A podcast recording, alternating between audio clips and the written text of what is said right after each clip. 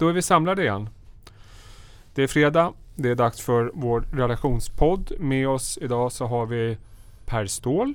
Hej. Hej Per. Hej, Jag tack. Kente, hej. Hej hej. Kul att se dig. Jag vet inte när vi såg senast. Eh, Det var ett tag sedan. Det var ett tag sedan. Och så är det jag, Jesper Norberg. Kalle Lantz är hemma. Elinor är på mammaledighet. Och eh, vi ska försöka få ihop den här relationspodden ännu en fredag i dessa coronatider. Mm. Får se hur det blir framöver. Eh, vad ska vi prata Det känns lite grann som det är Pekka show idag. För det blir mycket makro. Vi kan väl säga så här att den här veckan så har det kommit ut eh, fondval inför december. Just Eller hur? Vi Mm. har eh, Kalle som har skrivit om aktierna som han föredrar i december. Där han gjorde lite defensiv eh, allokering kan man väl säga. Och Pekka som har eh, gjort eh, makrosynen. Och har jag rätt om jag säger att eh, det är en kluven bild? Ja, verkligen. Eh, tyvärr, tyvärr. Jag önskar jag kunde vara eh, mer, mer eh, tydlig. Glasklar. Glasklar, ja. Nej, men alltså jag ser väl att, att vi vi hade en fantastisk börsresa i november. Sverige upp ungefär 11 procent. Bästa sedan 2002 i Sverige och bästa sedan 87 i USA tror jag. Ja, och eh, globalt tror jag det kan vara den bästa i, i modern tid. Liksom. Så att det är väldigt många börser som har gått bra. Jag menar, I EMU-området har genomsnittsbörsen gått upp med 17 procent i november. Såg Helt- Spanien och Italien var de var närmare 30 procent upp. Grekland 35. Vet ni vad som var sämsta börsen i Europa faktiskt? Danmark. Nej, den näst sämst. Det var faktiskt Schweiz. Den orkade inte gå upp över 10 procent. Den gick inte upp tvåsiffrigt. Intressant. Varför det tror du? Mycket läkemedelsbolag. Ja, defensivt och... Ja. Ja, Kan det vara det? Danmark, Danmark har ju till, gått som tåget under Ja. 2020. Liksom. Så att det är väl inte så där förvånande. Vi har ju sett den här sektorrotationen liksom, både inom aktier men också mellan marknader. Där man har sökt sig till det som har gått relativt sett dåligt. Intressant. Men får jag innan vi går in på den här äh, lite mer makrobilden, för det är kluvet, det är svårt. Eh, jag tänkte att en bra inledning skulle kunna vara en fråga som vi fick på Twitter efter förra avsnittet. Eh, för det är ju så här att jag tror för två avsnitt sedan så pratade, det var du och Kalle bland som pratade om att ni räknade med att eh, det här kan bli en riktigt bra högkonjunktur nästa år. Efter vaccinet rullas ut. Eh, men i förra avsnittet pratade vi om, framförallt Kalle, om att eh, ja, men det kommer nog en sättning snart. Och då var det någon som undrar, hur går det här ihop? Ni tror på en jättehög konjunktur men ni tror ändå på en sättning. Mitt enkla svar, rätta mig om jag har fel, är att eh, börser kan gå upp i lågkonjunkturer, vilket vi har sett i år. Och börser kan gå ner i högkonjunkturer. Så att en konjunktur i sig är inte liksom, definition för hur börsen ska gå. Men jag tror det Kalle pratade om, det var ju kortsiktig rörelse med tanke på precis som vi var inne på i början, hur fort det har gått uppåt så kan det komma en naturlig sättning. Det betyder inte att börssynen på sikt förändras. Nej, utan snarare har väl vår syn på aktiemarknaden i stort liksom, snarare stärkts. I och med att det nu har kommit ett vaccin. Sen, eh, det är väl egentligen två saker. Det ena är ju att faktiskt smittspridningen fortsätter att dra på globalt. Eh, och för, kanske framförallt i USA. Och det kan kanske slå på arbetsmarknad och annat. Eh, och då tror jag att marknaden blir lite nervös. Framförallt efter en sån kraftig uppgång. Vad är det som har drivit börserna nu de senaste månaderna tycker Ja. du? De viktigaste? Men det viktigaste var ju, eller inte det viktigaste, men det första var ju att eh, presidentvalet i USA blev överstökat helt enkelt. Eh, och det blev inga större oroligheter. Jag tror personligen inte att det spelar någon större roll för börsen om Joe Biden eller Donald Trump hade vunnit. Utan det, var jag mest, utan det var mest att det blev överstökat. Och sen kom ju de här goda vaccinnyheterna som var egentligen fantastiskt bra med hög verkningsgrad och att det skulle kunna rullas ut i redan, börja rullas ut redan i närtid. Och det bidrog ju givetvis till en jätteoptimism. Men som vi har sett under den senaste veckan och liksom senare delen av november och nu i inledningen av december det är ju att börsen är lite flat. Så att man går ju här och, väntar på att den ska dra iväg åt något håll, nå, ändra hållet. Och då... Mm, Men vad, vad tror du själv? Tror du att det blir någon rekyl eller sättning som vi eh, närmast eh, tiden eller månaden eller? Jag är lite nervös för det, eh, måste jag säga. Eh, och det är väl framförallt för att eh, jag tror att det kanske funnits en lite överdriven optimism kring hur snabbt och hur effektivt ett vaccin ska kunna rullas ut. Konjunkturmässigt då? Är du orolig där? Eh, jag var orolig men eh, man kan säga att den, den, statistik som har kommit ut under senaste veckan har ju överlag varit positiv. USA riktigt bra. Eh, Sverige också fantastiska inköpschefsindex som kom här under veckan. Eh, det är väl EMU-området som har varit relativt sett svagt men eh, även där har ju det inte varit riktigt så svagt som man hade räknat med. Och, och framförallt inte så svagt som det var i våras. Nej, alltså, precis.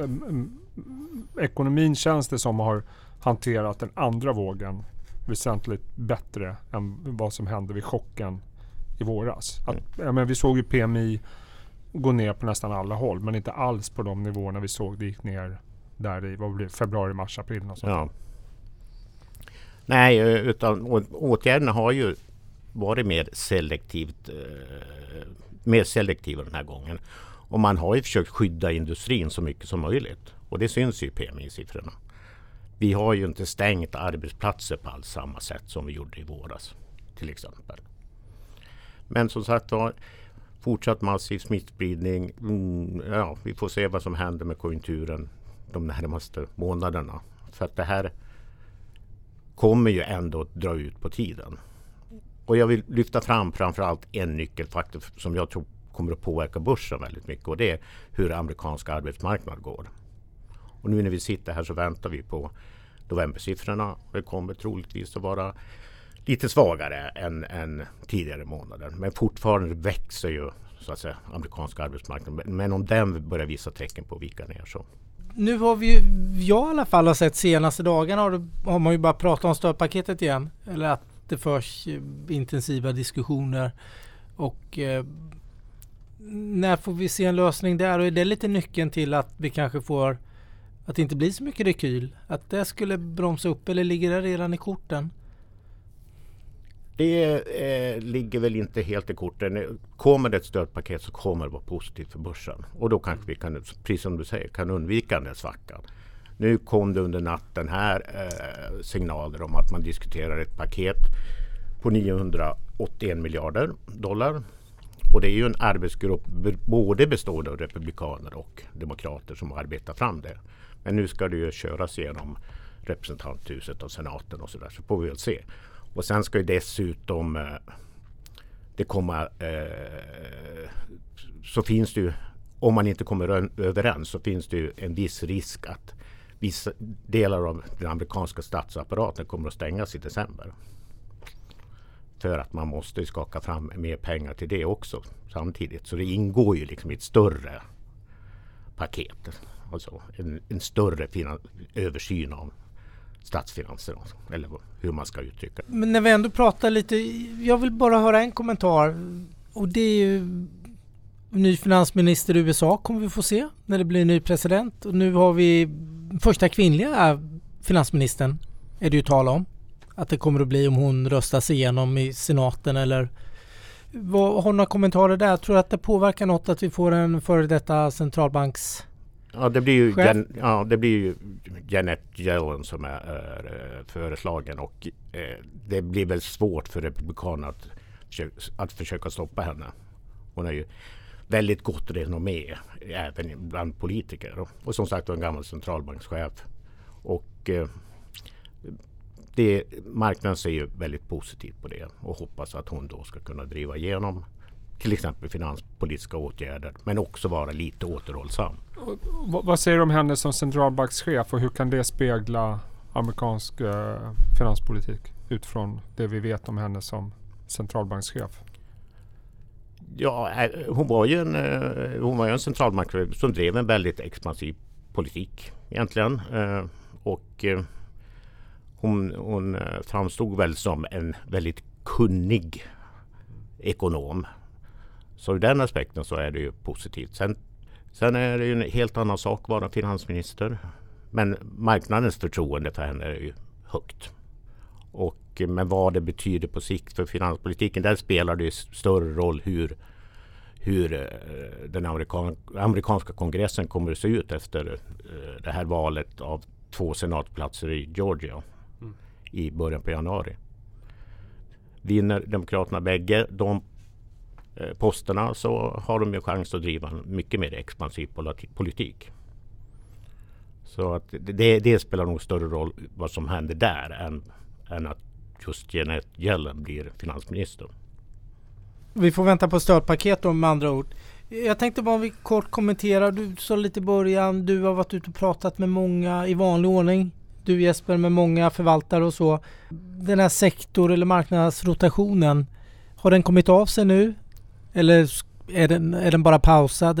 Ska den fortsätta? Vad tror ni eller de ni har pratat med? Jag får känslan av att det är lite pausat men människor går och väntar på nästa rörelse. För att eh, det är klart att även om det kommer ta tid med vaccinet eh, tills vi når tillräckligt många som är vaccinerade så kommer ju, alltså, det som jag tror jag sa i förra podden, man, man kan räkna med liksom ett pärlband av överlag positiva vaccinnyheter. Alltså vi kommer få Uh, snart kommer uh, Pfizer har redan blivit godkänd i uh, eh, UK. Det kommer snart bli USA. Det kommer snart bli EU. Sen kommer Moderna strax därefter och sen kommer Astra och sen kommer Janssen. Alltså det finns ju en möjlighet att varje sån här liten positiv, alltså du vet. Tänk dig själv när man ser bilder på den första personen som blir vaccinerad och så vidare. Då, då kommer ju liksom hoppet hela tiden öka. Så att jag tror vi kommer få ganska många sådana här impulser av eh, sektorrotationer som kanske gradvis förstärks. Eh, men eh, det tror jag och det är klart att om vi ser att det att till exempel arbetsmarknaden i USA inte liksom försämras kraftigt eh, en tid framöver så tror ju åtminstone jag att eh, vi kommer nog få se ett jädra tryck i bokningar av resor och restaurangbesök och teaterbesök i takt med att, det, det tror jag i alla fall. Herregud, jag känner så själv. Jag har aldrig trånat så mycket efter socialt umgänge som jag gör nu. Eller hur? Så, mm. så att, och plus att det känns som människor har sparat väldigt mycket under den här tiden. Eh, så att det finns på något sätt ett, ett uppbundet kapital för att lägga på eh, att, att konsumera. Det, det, är den känslan jag får. Jag vet inte om du ser det i siffrorna också? Jo, nej, men det, det är definitivt så. Att, mm. uh, och sen får vi se. Jag är, jag är ju fortfarande så här. Hur påverkar pandemin oss på sikt? Alltså, ja, absolut. Uh, jag tycker det är osäkert. Går vi tillbaka till något sorts fullt normalläge eller har vi förändrat vårt beteende mm. i stort? Uh, jag vet inte. Ja, sen, sen är ju frågan vad konsekvenserna, långsiktiga konsekvenserna också blir av den eh, aggressiva penning och finanspolitiken. Jag menar, vi pratar ju väldigt lite om den höga skuldsättningen runt om i, i världen. Eh, och, och, det måste ju också någon gång åtminstone hanteras. Kanske inte när räntorna är så låga som de gör. Men det är ju ett strukturellt problem som jag ser på sikt. Ja definitivt. Mm. definitivt. Alltså, vi, vi talar ju om eh, skuldsättningar på över 100 procent av BNP i princip alla mogna eh, större ekonomier. Eh, Sverige undantaget. Eh, så det, men eh, som sagt, det är precis som du säger, så länge räntorna hålls eh, nere runt nollan så kommer ju så kommer det inte vara något större akut problem att hantera. Det får vi se om några år. Däremot eh, är det intressant då om det blir ett amerikanskt stödpaket till exempel så kan ju de amerikanska långa räntorna dra iväg. Vi har sett tecken på det de senaste dagarna. Vad, vad är smärtgränsen? Den ligger på 0,9 procent. Det är ju liksom ingenting. Men eh, den, de låga räntorna har ju, har ju skyddat så att säga värderingen på börsen. Man kan räkna, räkna hem en helt annan värdering om räntorna ligger på de här nivåerna. Så att Ja, var ligger smärtgränsen? Ligger, kommer vi redan vid liksom 1,5 procent och börja bli oroliga eh, för börs, att det kommer att påverka börsen negativt. Det hur, hur, nej men det där är mm. jätteintressant. Jag tänkte på en annan sak. Kronan då. Skulle det kunna bromsa kronans framfart mot dollarn om vi får se högre amerikanska räntor? Som du är inne och tangerar lite nu.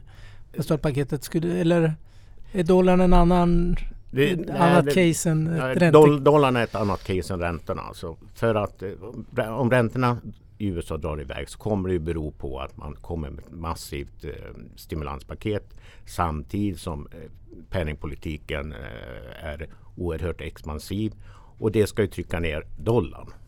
Så att eh, ränte och dollardiskussioner tycker jag är liksom två väldigt skilda saker just nu. Kronan, vad tror du om den? Fortsätter den sin urstarka? För den var stark i november också. Ja, Framfarten. ja den, den har ju fortsatt uppåt och eh, vi börjar närma oss 8,50 mot eh, dollarn och eh, 10, 10 kronor mot euron. Ja, håller riskaptiten i sig så, så kan definitivt kronan fortsätta gå starkt. Kan, kan det få ett bakslag på börsen? Tror du? För nu har det inte varit ute någon. Det brukar ju komma ut. Bolagen brukar komma ut i vanlig ordning. Även förvaltare och analytiker. Och att det minskar bolagens vinster. De exportdrivna bolagen. Är det något du känner eller är det fortfarande så att kronan kan bli mycket starkare än så här för att det ska...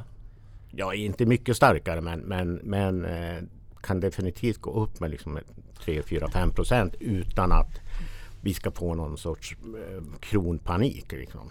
Men, men är det inte så här, när vi, det här är ett unikt år. Alla analytiker och förvaltare tittar egentligen bara på en enda sak i bolagsrapporterna och det är liksom utsikterna. Vad säger ni liksom om hur pandemin... Kommer inte marknaden ha ett jättestort överseende med om, om det liksom är kronan som, som förvärrar resultatet i ett kvartal eller två? Jag tror liksom marknaden kommer se över det. Eh, så länge bolagen säger att man har sett en ökad efterfrågan. Eller sånt. Jag tror kronan kommer bli även om det liksom påverkar vinsterna temporärt i exportbolagen så tror jag så länge bolagen säger att de har sett en stabil efterfrågan eller öka så tror jag det är det man kommer Mm. fokusera på. Jag tror man struntar i kronan just. Ja, man kommer inte titta på sista raden i resultatrapporten utan man Nej. kommer titta högre upp och det, det vill säga omsättning och Mm. förväntningar. Orderingången. Mm. Så, ja, det tror jag också. Men hur tänker du då eh, Per? Jag menar din fondöverblick var ju, du är väl ganska positiv. Du gick in i emerging markets. Jag, jag tog rygg på det där och köpte faktiskt lite grann i Nordea, vad heter det? Nordea Emerging Stars. ja just det. Stars. Ja. Ja, för jag, vi pratade ju om för ett par poddar sedan Mm. att jag letade emerging markets eh, och, och sen kom du och levererade ett bra exempel. Ja, men, jag lite Pekkas Ja, resonemang precis. och där vi har haft lite sen tidigare att det är risk på det. Vi pratar just kronan som är en liten risk på valuta. Mm. Så är ju även tillväxtmarknadsvalutorna på valutor mycket. Ja. Man handlar där så man får en dubbeleffekt lite nu. Dels kan valutorna stärkas och eh, även underliggande aktier. Så därav eh, tillväxtmarknadscaset. Jag tittade Bofa också. Det var ju många som tror att det, eh, det påverkar inte mig så mycket. Men man har ganska stora förhoppningar att man tror att det kan bli bra. Och sen kanske fortsatt låga amerikanska korta räntor framförallt. För de är ju väldigt viktiga för de här eh, alla obligationerna då. Tillväxtmarknadsobligationer som är ju hard currency. Ja, jag, Valutor och så. jag läste här på morgonen någon, någon snabb eh, analys där. Och det, då är det väl rekordinflöden till, till emerging markets-länderna när det gäller kapital. Och eh, det kan mycket väl fortsätta. Jag personligen är ju också inne jag vill placera mer pengar i emerging markets. Kanske med li, lite mer långsiktigt, eh, långsiktig eh, syn än, än de närmaste kvartalen. Utan det här är inför 2021 egentligen. Vad gjorde du med aktieallokeringen? Nej men alltså jag låg ju kvar på 60 procent. eh, Så det förändrar ju inte så mycket. Jag kommer ihåg att jag skrev i den förra eh, den förra strategirapporten att ja, ja, redan några dagar in på november så vet vi mycket mer om hur det kommer att gå. Då kan det vara läge att både sänka och höja andelen. Och nu var det ju definitivt att höja andelen som gällde. Liksom. Så att 60 procent ser jag nästan lite grann som en, som en nedtrappning. Lite grann. Uh, jag, jag, precis som Karl Lantz också var inne på att uh, vi väntar ju på liksom nästa riktiga trigger för, att, för vart börsresan är på väg. Och eh, å ena sidan bättre konjunktur, vaccin, positivt givetvis. Eh, en, men en ökad smittspridning som är risk och lite krångel när det gäller till exempel att skaka fram ett amerikanskt stödpaket. Jag tror det kommer att handla väldigt mycket om för att se hur effektivt man får ut det här vaccinet. Hur mycket doser skeppas ut och hur effektiva de olika länderna är. Det, det tror jag kommer vara jätteviktigt. Jag tänkte avsluta med två bilder. Ja. Eh, Som inte syns i en podd vill jag bara tillägga. nej, jag vet. Vi får beskriva dem. Men jag såg faktiskt en bild idag på uh, Pfizers produktionsanläggning Mm. i eh, Belgien. Ja. Där de eh, hade sådana här stora tyska kylskåp tror jag som de produktionen, det var, där, det var klart liksom. Mm. Den batchen i alla fall. Sådana tror jag vi kommer få se mer, mer av för det stärker lite. Ja, att de visar att allt det är på gång och det börjar levereras. Och intressant att lägga till där, det är ju eh, Moderna har väl tillverkning i, i, om jag tror det är Schweiz, Frankrike. Men du har ju även svenska Recipharm. Intressant case som är kontraktstillverkare. Som har fått en stor order. Så att det- kommer bli otroligt mycket fokus på distributionen Mm, av produktion och distribution. Eh, Mm. Pfizer sänkte ju sin andel eh, vaccin i år från 100 till 50 miljoner doser. Det är ju lite i det stora sammanhanget, för jag tror det är en miljard nästa år. Sådär. Men alla de här små rapporterna man får på tillverkning, distribution, det tror jag kommer bli otroligt viktigt under 2021. Jag vill bara tacka lyssnaren eller läsaren. Jag fick när jag kom hit igår till redaktionen, jag har Ja. inte varit här på en vecka, då låg det brev på, mitt, på skrivbordet. Det är inte så ofta man får brev överhuvudtaget längre. Det låg ett litet kuvert. Som jag öppnade från Åhus, från någon, reklam, eh, någon reklamfirma i Åhus. Och där i låg det tre klistermärken. Får nästan ta en bild på det Ja, vi sättet. kan ta en bild. De som har följt mig, jag har ju gjort, en, jag har gjort flera dåliga affärer i år. En tysk dålig affär som jag har nämnt tidigare som jag inte vill nämna igen. Men sen har jag gjort en dålig Nibe-trade. Jag sålde Nibe någon gång vid midsomras för den nådde det magiska talet 180 kronor. Det tyckte jag. Nu har det gått upp så mycket. Och sen skulle jag ju köpa tillbaka den billigare då såklart, runt 150. Det var mitt eh, target price. Men det blev inte så. Jag klev in här nu eh, vid rapporten på 230 kronor. Så det, den var kostsam den här Nibe-traden då. För jag vill inte vara utan Nibe i portföljen. Och då har den här kära läsaren eller lyssnaren då gjort eh, stora klistermärken till mig. Rör inte mina Nibe. Står det? Så det är bra. Jag har satt den på datorn så jag alltid ska minnas den nu. det, det är väldigt intressant det där. För att eh, vi, jag tror vi pratade om det nu på morgonen också, det här med värderingar i en sån här marknad. Eh, vi som är lite äldre, vi är vana vid att man pratar om P tal P15 är alltid högt. Kommer jag ihåg när jag började som analytiker på 90-talet. Men med all rätt tycker jag nästan. Jag menar, om man tittar, vi pratade lite grann om banker till exempel. Det, det är jättemånga som pushar banker nu tycker jag. Att många vill liksom köpa, nu är bankerna är liksom den här värderotationen och det är låga värderingar. Om man skruvar upp riktkurserna ser jag. Ja, men- det kommer men varje dag. På samma sätt som höga värderingar kan vara höga länge så kan låga värderingar vara låga länge. Jag menar, om du tar Nibe, jättehög värdering i absoluta tal. Men flödena in i sådana här fonder, det har vi pratat många gånger om, kommer ju rimligtvis fortsätta även 2021. Om kanske inte accelererande styrka. Så att, och, och jag menar, vi har pratat om gamingbolagen har höga värderingar och så vidare. Men follow the money på något sätt. Förstår ni vad jag menar? Mm. Att, att det, det, man ska kanske inte vara slavisk P tals eh, fundamentalist i det här läget. Nej, det tycker jag man inte ska vara. Utan, eh, och det ser man ju när man pratar runt med folk och läser olika rapporter. Så det är väldigt mycket man pratar om just flöden till olika sektorer och till olika marknader. Mm. Och därför kan, därför kan det vara läge då att vara positiv till emerging markets. Då. Nu har vi sett de här flödena och de kan ju fortsätta länge än. Liksom. Och det var rekordlågt, eller gapet tror jag mellan emerging och developed var ju väldigt stor nu. Så här historiskt på en, en, en, en, stor, en stor skillnad i värdering. Vilket kanske ska på något sätt då eh, bli kanske lite mindre. Mm. Eh, Jag vill tacka i alla fall. Ja, jag tackar för klistermärkena. Det gör jag nu. Rör Tack den som har skickat dem. De eh, följer god jord. Rör inte min Nibe står det. Ja. Ja, vad trevligt. Jag tycker vi tar helg nu. Ja, och jag Ja, är osäker på om det blir någon relationspodd nästa fredag. Vi vet inte, vi pratar om det här med Corona. Men om det inte blir det så kör vi ett eh, gemensamt samtal över Zoom som vi publicerar tänkte jag. Vi löser det helt enkelt på något sätt. Låter bra. Trevlig helg och eh, ha en fin andra advent. Tack så mycket. Tack så jättemycket. Hej.